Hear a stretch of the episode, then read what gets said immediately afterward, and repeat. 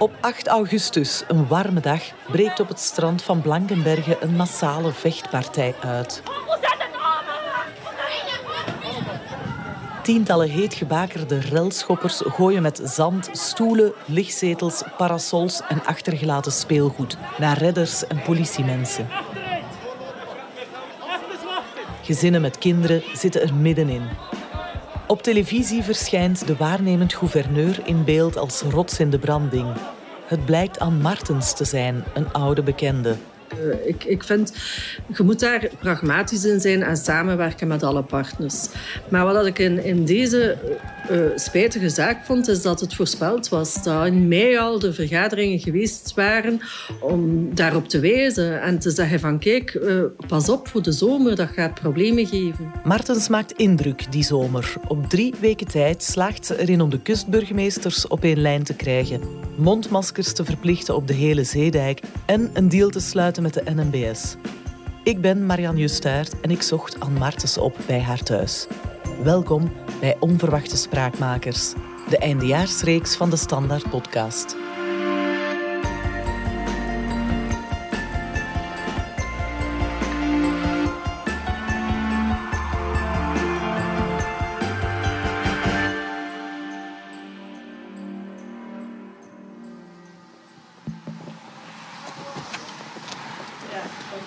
Goedendag mevrouw Martens.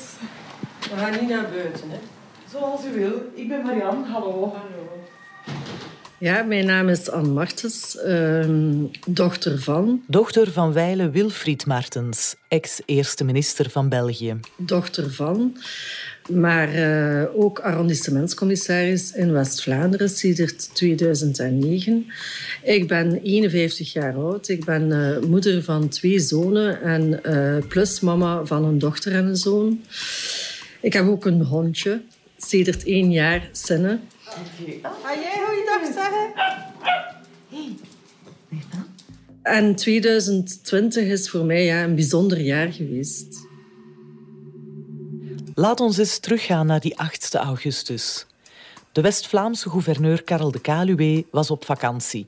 Dus de nummer 2, Anne Martens, trad op als waarnemend gouverneur. In het dagelijks leven is Martens arrondissementscommissaris. Zo is er eentje in elke provincie. Ze worden ook wel eens mini-gouverneurs genoemd. Ik heb dan een mini gekocht om, uh, om als mini-gouverneur rond te rijden.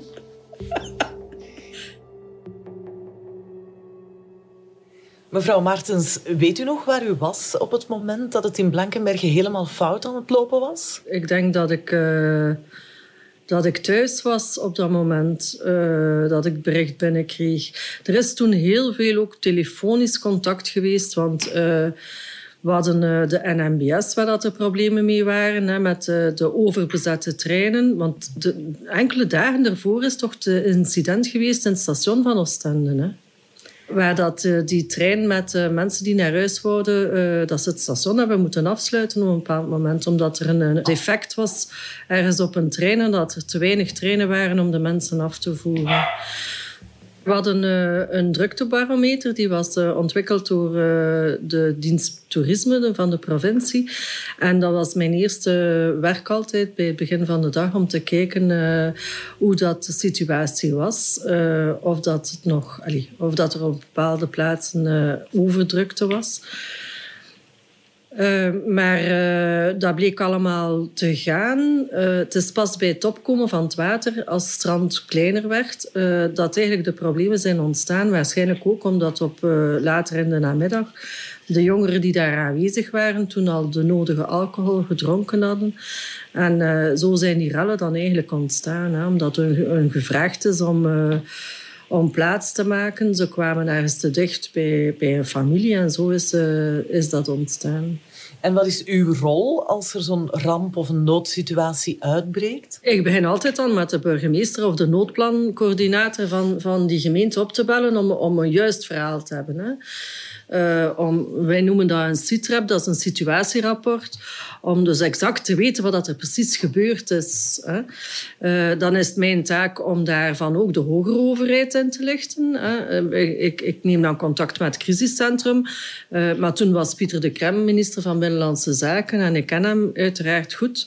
Ik heb dan ook met hem gebeld hè, om te kijken van kijk, ja, wat kunnen we daaraan doen? Wat, kunnen we, wat zijn de maatregelen die mogelijk zijn? Welke afspraken kan u op uw niveau met de minister van Mobiliteit maken? Hè? Uh, zo gaat dat in zijn werk. En dan wordt er wat uh, onderhandeld en dan worden er vergaderingen belegd, uh, waar dat er dan afspraken worden gemaakt. Hè? We hebben dan gevraagd om, om de aantallen te beperken eh, die toekwamen in de stations. Hè. Ja, u was scherp. Hè? U verweet openlijk de NMBS dat ze tekort was geschoten. De NMBS heeft daar te laat op gereageerd. Hè. De, en dan op het moment nog moeten bijsturen. Op, dan, allee, die vergaderingen zijn zeer goed verlopen nadien en heeft men echt wel zijn best gedaan. Maar het spijtige is dat het al in mei was voorspeld en dat het tot een, tot een incident is moeten komen vooraleer dat we een echt goed uh, plan hadden, ook bijvoorbeeld voor, voor de stations intern. Hè? Want een stationsgebouw, dat is dan niet de verantwoordelijkheid van een burgemeester om daaraan crowdmanagement te doen. Dat is dan wel de verantwoordelijkheid van de NMBS. Dat ik mij nog wel als de dag als gisteren herinner, is een opmerking van uh, de schemaker op Facebook, die daar een opmerking gemaakt heeft, waarnemend gouverneur, nee, de dochter van helemaal en een politieke benoeming. En zo'n zaken, dat is raar, hè? na al die jaren, die blijven toch wel kwetsen.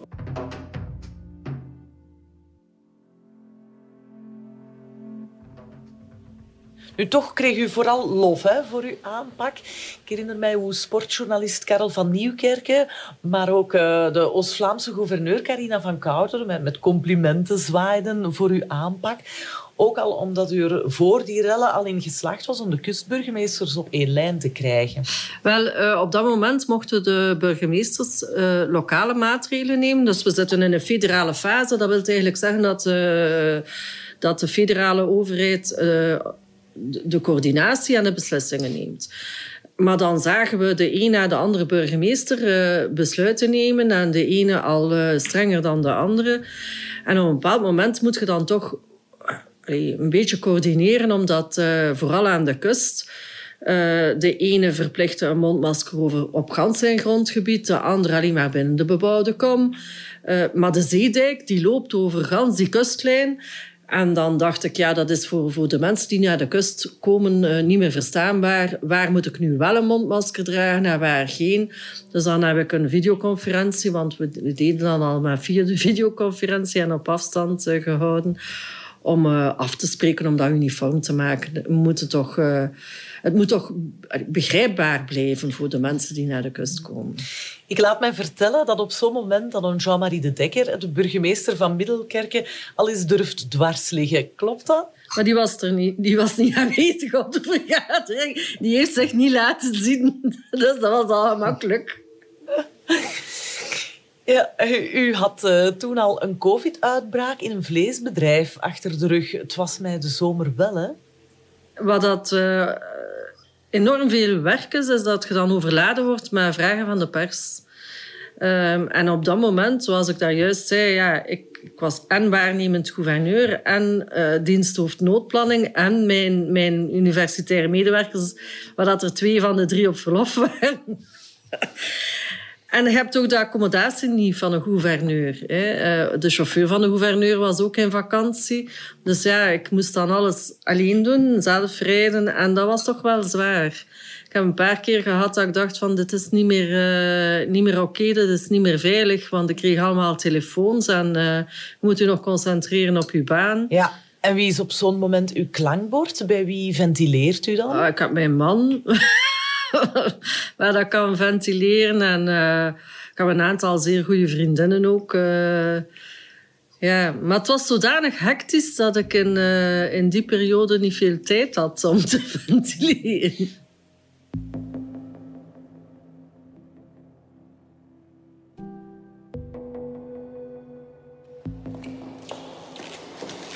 Ik zweer getrouwheid aan de koning, gehoorzaamheid aan de grondwet en aan de wetten van het Belgisch volk. Vlak na al die lofbetuigingen vanwege Anne Martens haar aanpak van veiligheid wordt er een nieuwe regering gevormd. En krijgt haar partij CD&V het departement Binnenlandse Zaken en Veiligheid. Partijvoorzitter Koens kiest voor wit konijn Annelies Verlinde.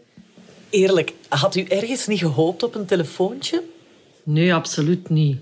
Ik had ergens nog uh, gedacht dat men uh, Nathalie Muilen uh, zou getelefoneerd hebben, want ik vind dat zij dat zeer goed gedaan heeft als minister van Economie. maar zelf, nee. Dat, men, men moet zich bewust zijn van de mogelijkheden. Ik ben gedomicileerd in West-Vlaanderen. Er zijn al veel te veel West-Vlamingen. En ja, ik ben heel tevreden met mijn job. Ik heb een fantastisch team die voor mij werkt. Ik doe mijn werk graag, dus uh, nee. Maar stel dat Koens gebeld zou hebben, zou u dan ja gezegd hebben? Dat is een zeer moeilijke vraag, omdat ik meegemaakt heb wat zo'n job inhoudt. Uh, want er wordt nu veel gezegd van die politiekers zijn allemaal zakkenvullers en... Uh, maar dat is wel een helse job, hè? dag in, dag uit, met enorm veel stress. Um, ik denk dat ik het inhoudelijk wel zou aankunnen, maar ik vraag me af of dat uh, de stress, of dat ik dat wel zou willen. Op een bepaald moment in je leven beseft je dat uh, uiteindelijk het belangrijkste is, is je gezinsgeluk. Hè? Um, en of dat je dat dan op de helling wilt zetten hè, en allemaal wilt opgeven om zo'n aantal jaren, zo'n functie, want tegenwoordig blijven ze ook niet meer zo lang minister. Uh, dus dat voor een aantal jaren moet je dan alles opzij zetten en je gezinsleven leidt daaronder. Dus ik vind dat een, een zware opoffering. Anne Martens spreekt uit ervaring. In een tijd dat ministers wel nog lang in functie waren, was haar vader Wilfried maar liefst twaalf jaar lang premier van België. Van 1979 tot 1992 in acht regeringen. Als toppoliticus was hij uiteraard een publiek figuur. Hij leefde voor het land en werd ook geleefd. Iemand of een paar hebben geschreven na mijn hartoperatie dat nu het bewijs geleverd was dat ik een hart had. Dus ik ging dus door als iemand eh, die nogal rationeel uh, te werk ging. Dat was natuurlijk Wilfried Martens in een gesprek met knetterende letteren. Ja, uw jeugd was alles behalve rooskleurig, hè, mevrouw Martens. Ik herinner mij hoe u uh, in het Canvas-programma Mijn Vader getuigde over die afwezige vaderfiguur en de ene schrijnende anekdote na de andere vertelde, terwijl hij daar naast u zat. Dat was enorm pakkend. Denkt u dat hij ooit beseft heeft hoe zwaar het voor u was? Ik denk niet dat hij dat bewust gedaan heeft. Ik weet ook dat hij achteraf uh, verdriet had omwille van dat programma. Uh, dat was natuurlijk ook een zeer moeilijke gezinssituatie. Uh, die we daar meegemaakt hebben. Niet, elke, niet elk kind van een politieker maakt zo'n zaken mee. Hè? Zijn, zijn uh, tweede vrouw en die kinderen... Uh, dat was toch een zeer moeilijke situatie. Hij wou ons, dus de kinderen uit zijn eerste huwelijk... Uh, op dat moment niet meer zien. We hadden geen contact, geen telefoonnummer. ja, ja, dat was zeer moeilijk. Ik had dan zelf kleine kinderen en uh, die vroegen, want je mocht niet vergeten, dat zijn ook bekende figuren. Iedereen in de klas weet dat zij de kleinzoon zijn van... En dus die kregen vragen. Uh, het was dan op een bepaald moment grootouderdag. En dan, dan vroeg mijn oudste zoontje, het eerste kleuterklasje, komt mijn opa niet? Dat is moeilijk, hè? Dat is kwetsend, hè? Er is zo'n zo een beroemde foto dat ik als, als kleine kleuter op zijn uh, schoot zat. En ja, mijn moeder vertelde later dat dat was voor de fotograaf. dat ik op die schoot gezet werd en ik wou dat helemaal niet. Want ik was dan niet gewoon van mijn vader op schoot te zetten. ja. Hebt u het um, voor hij gestorven is in 2013 kunnen uitpraten met uw vader? Ja, de relatie is dan ook wel verbeterd. Um, als hij dan uh, met Miet Smet getrouwd is, zaten we dan terug contact. En zeker als hij ziek geworden is. Uh, mijn man nu is, uh, is arts en hij had veel vertrouwen in hem. En heeft dan ook veel om raad gevraagd. We hebben ook, mijn man en ik samen, de laatste week van zijn leven zijn we daar gaan inslapen om, om wat te helpen, om hem te verzorgen. Dus ja, dat, dat heeft hij wel enorm geapprecieerd ook. Ja. ja. Hebt u aan uw jeugd het idee overgehouden dat politiek iets is dat je zeven op zeven moet doen? Dat je het met andere woorden niet half kunt doen? Nee, en ik denk dat is een roeping en dat is zoals het priesterschap. En uh, ik denk dat dat uh, bijna niet te combineren valt uh, met een gezinsleven. Toch zeker niet de job van een eerste minister. Dus al uw huis gezin moet perfect draaien, want anders eh, je geen tijd om nog een keer thuis als er problemen zijn, daarmee voor in te staan. Of, uh, en u weet dat mijn broer uh, op zijn 13 jaar een zwaar verkeersongeval heeft gehad. Met dan toch zowel ja, fysieke als psychische gevolgen. En dat, ja, dat, dat was uh, bijzonder moeilijk. Hè? En toch bent u op een gegeven moment zelf in de actieve politiek gestapt. Ja, de lokale politiek in Gent. Ja, dat is, ja, dat is ook wel... Ik voel, ik voel dat ook wel bij mijzelf. Uh, je wilt uh, mee dat algemeen belang dienen, dat zit in u. maar mijn eh, periode in de lokale politiek is niet zo, zo denderend verlopen. Het was heel moeilijk om daar op dat moment met CD&V in de oppositie uh, en, ja, beperkt tot een aantal gemeenteraadsleden nog altijd maar ja, na, verkiezing na verkiezing liever uh, kleiner geworden. En ja, dat was een zeer moeilijke periode daar. Dat is vooral intern in de partij dat, uh, dat je concurrent bent van elkaar. Hè? En dat dan de kleine kanten uh, van de persoonlijkheden naar boven komen uh, die zich alleen willen prof profileren en die geen geen plaats voor de anderen willen mm laten. Ja, hoor je nog. Hè? En VA-politica Lisbeth Holmans die heeft ooit gezegd dat uw ergste vijanden in uw eigen partij zitten. Mijn vader zei, je hebt vijanden, je hebt aardsvijanden en dan heb je politieke vrienden.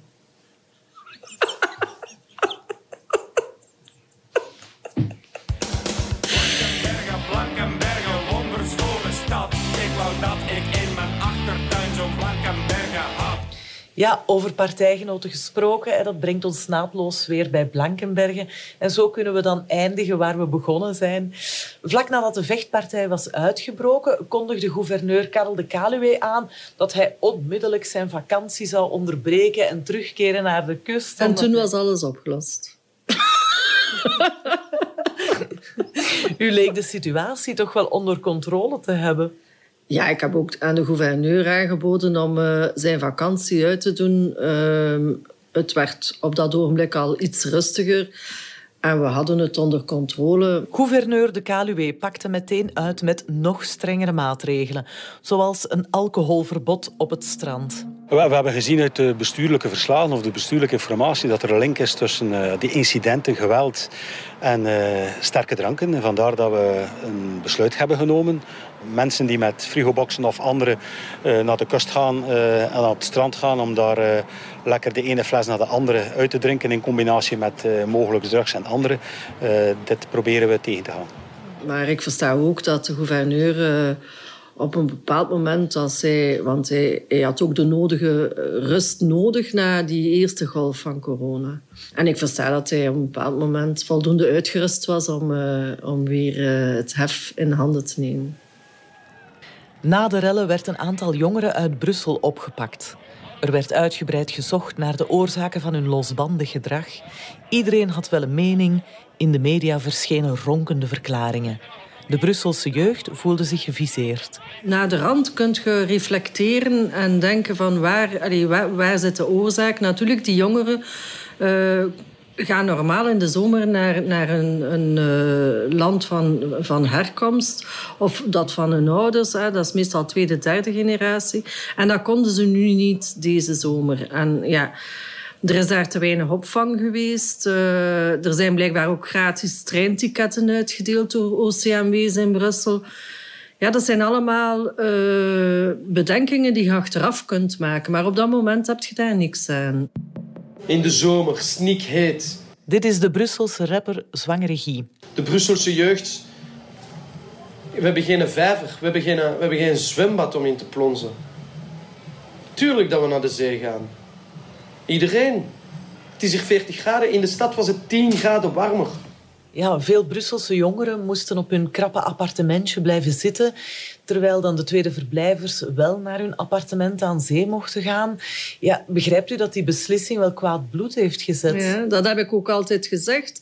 Uh, dat iedereen welkom bleef en dat ik heel veel begrip had. Allee, stel u voor, zo een alleenstaande moeder of een jong koppel met kleine kinderen op een appartement ergens in Brussel, in Antwerpen, die geen terras hebben en die hutten, die niet... Dus daarom heb ik altijd gezegd, iedereen blijft welkom. Maar natuurlijk niet om, om rellen te komen stoken. Hè. Daarvoor niet. Het moet veilig kunnen. En, en dat is nu juist bij een noodsituatie. moet je keuzes maken. En de volksgezondheid staat op nummer één. En ook mensen met minder middelen hebben recht op gezondheid. Hè. We gaan die niet allemaal op een trein uh, duwen en risico laten lopen dat zij ziek worden. Natuurlijk zijn zij welkom, maar op een veilige manier. Mm -hmm. Dan had je ook nog staatssecretaris Sami Medi van, hè, van CD&V, die in Humo zei dat de Brusselse jongeren, en ik citeer, moeten stoppen met zagen. Heeft hij een punt? Ik denk dat dat een zeer moeilijke discussie is. En het grootste probleem, een beetje cultureel, is dat daar heel veel moeders weinig gezag hebben over die jongens. En ik moet eerlijk zeggen, ik zeg nu cultureel, dat ik dat ook wel zelf ondervonden heb als ik alleenstaand was met mijn twee jongens. Dat is niet altijd eenvoudig hè, om zo puberende jongens vol testosteron onder bedwang te houden. ja. ja, natuurlijk moeten ze de kansen grijpen die ze kregen, maar is dat niet een beetje bij, bij die generatie van al onze kinderen? We hebben ze grootgebracht als gouden kippetjes. Ze waren vele, gelijk in mijn situatie, die dan geconfronteerd worden met een echtscheiding, hadden we dan nog er compassie mee en hebben ze nog extra verwend, omdat Ogier Ogarme die kindjes dat allemaal moesten meemaken. En soms denk ik dat de slinger een beetje te veel is doorgeslaan. En dat zij te weinig gezag daardoor aanvaarden. Dus hij heeft een stuk gelijk. Maar hoe lost je dat op? Dat is de vraag. Denkt u dat dat geldt voor de Brusselse jeugd, dat ze te verwend zijn? Ik denk voor alle jongeren, niet alleen de Brusselse jongeren. Ik denk voor, voor een hele generatie van jongeren hebben wij... En, en ik denk, ik ben daar zelf mede verantwoordelijk voor... Uh, een beetje te veel bepamperd. Ik ben natuurlijk geen, geen pedagoog en geen psycholoog, dus Misschien wordt dat uh, wetenschappelijk tegensproken, maar dat is mijn gevoel als, als moeder van, van, van kinderen van die leeftijd. Ja, anders moeten we het Rude Legerdienst invoeren. Ja, dat zou zalig zijn. Daar leren ze luisteren. Dan zouden ze weer een keer discipline hebben. Dat vind ik een gemiste kans. Natuurlijk niet voor allemaal. Hè. Dat zal niet voor, voor allemaal uh, goed geweest zijn in een tijd. Maar ik denk aan mijn jongens dat... Uh, dat misschien toch niet slecht zou geweest zijn. Uw jongens en uw pluskinderen zakken af naar het ouderlijk huis voor de feestdagen. Vieren jullie dan eigenlijk rond de kerstboom of misschien zelfs met de, de middernachtmis erbij? Nee, ik ben niet, uh, niet zo gelovig. maar het is natuurlijk een speciale periode voor mij, omdat mijn moeder op 1 januari is overleden. Dus dat is altijd een beetje moeilijker. Uh, maar langs de andere kant, ja, we, kerst gaan we dus met, uh, met ons kinderen vieren. Ik denk dat op oudjaarsavond niet iedereen hier zal zijn. Dat zal, misschien zullen Wieber en ik er uh, alleen zijn. Maar dan maken we het ook gezellig. Ik vind het een zeer triestig jaar geweest voor, voor veel mensen. Ik vind dat een zeer moeilijk jaar geweest voor ons. Natuurlijk, ik heb uh, het voorrecht dat voor mij een druk jaar was, professioneel. Dat ik, heb heel hard moeten werken, maar dat heeft er ook voor gezorgd dat je gedachten worden verzet en dat je bezig blijft. Maar ik kan me voorstellen, hè, ik heb een vriendin die alleenstaand is dat dat voor, voor mensen die alleen zijn of, of, of minder werk hadden of geen werk hadden tijdens de eerste golf, uh, of nu ook, de horeca, dat dat een zeer zwaar jaar is. Dus ik wil het toch wel zo vlug mogelijk vergeten. Ja, ja. op naar 2021. Hè. Hebt u grootste plannen voor het nieuwe jaar? Ik heb nooit een bucketlist en... Uh, ik zou misschien wel wat meer goede voornemens moeten hebben, maar die heb ik ook laten varen. mijn echtgenoot zegt soms dat ik voor mijn gezondheid wat meer op mijn lijn moet letten, maar ik eet te graag. Nee, ja, genieten is toch wel een van de belangrijkste zaken. Uh, het hoeft niet veel te zijn, maar ik vind uh, gezellig samen zijn is voor mij zeer belangrijk. Als de kinderen komen eten, uh, dat iedereen er is en dat we lekker eten klaarmaken. en ja, af en toe een keer op reis kunnen gaan of uh, met mijn hond uh, een wandeling maken. Nu kunnen we dat gelukkig nog wel. Hè? Een mooie wandeling maken met de hond. Ja. Verlang wel om uh, nog een keer op reis te kunnen gaan. En waar gaat de reis dan naartoe? Oh, dat moet niet ver zijn, maar zo, er helemaal uit zijn. Een keer op hotel. Niet moeten boodschappen doen en koken en was en plas. Ja. Zeg, en tot slot, hebt u nog een wens voor iemand anders? Iemand in het bijzonder misschien? Ik wens iedereen veel liefde en vriendschap. Belangrijkste in het leven. Hè? Het is dat. Dank u wel, Anne Martens. En gelukkig nieuwjaar. Dit was de podcast van De Standaard. Bedankt voor het luisteren. Wil je reageren? Dat kan via podcast.standaard.be. Alle credits vind je op standaard.be-podcast. Luister ook naar onze andere onverwachte spraakmakers. Na de kerstvakantie zijn we terug met onze dagelijkse podcast.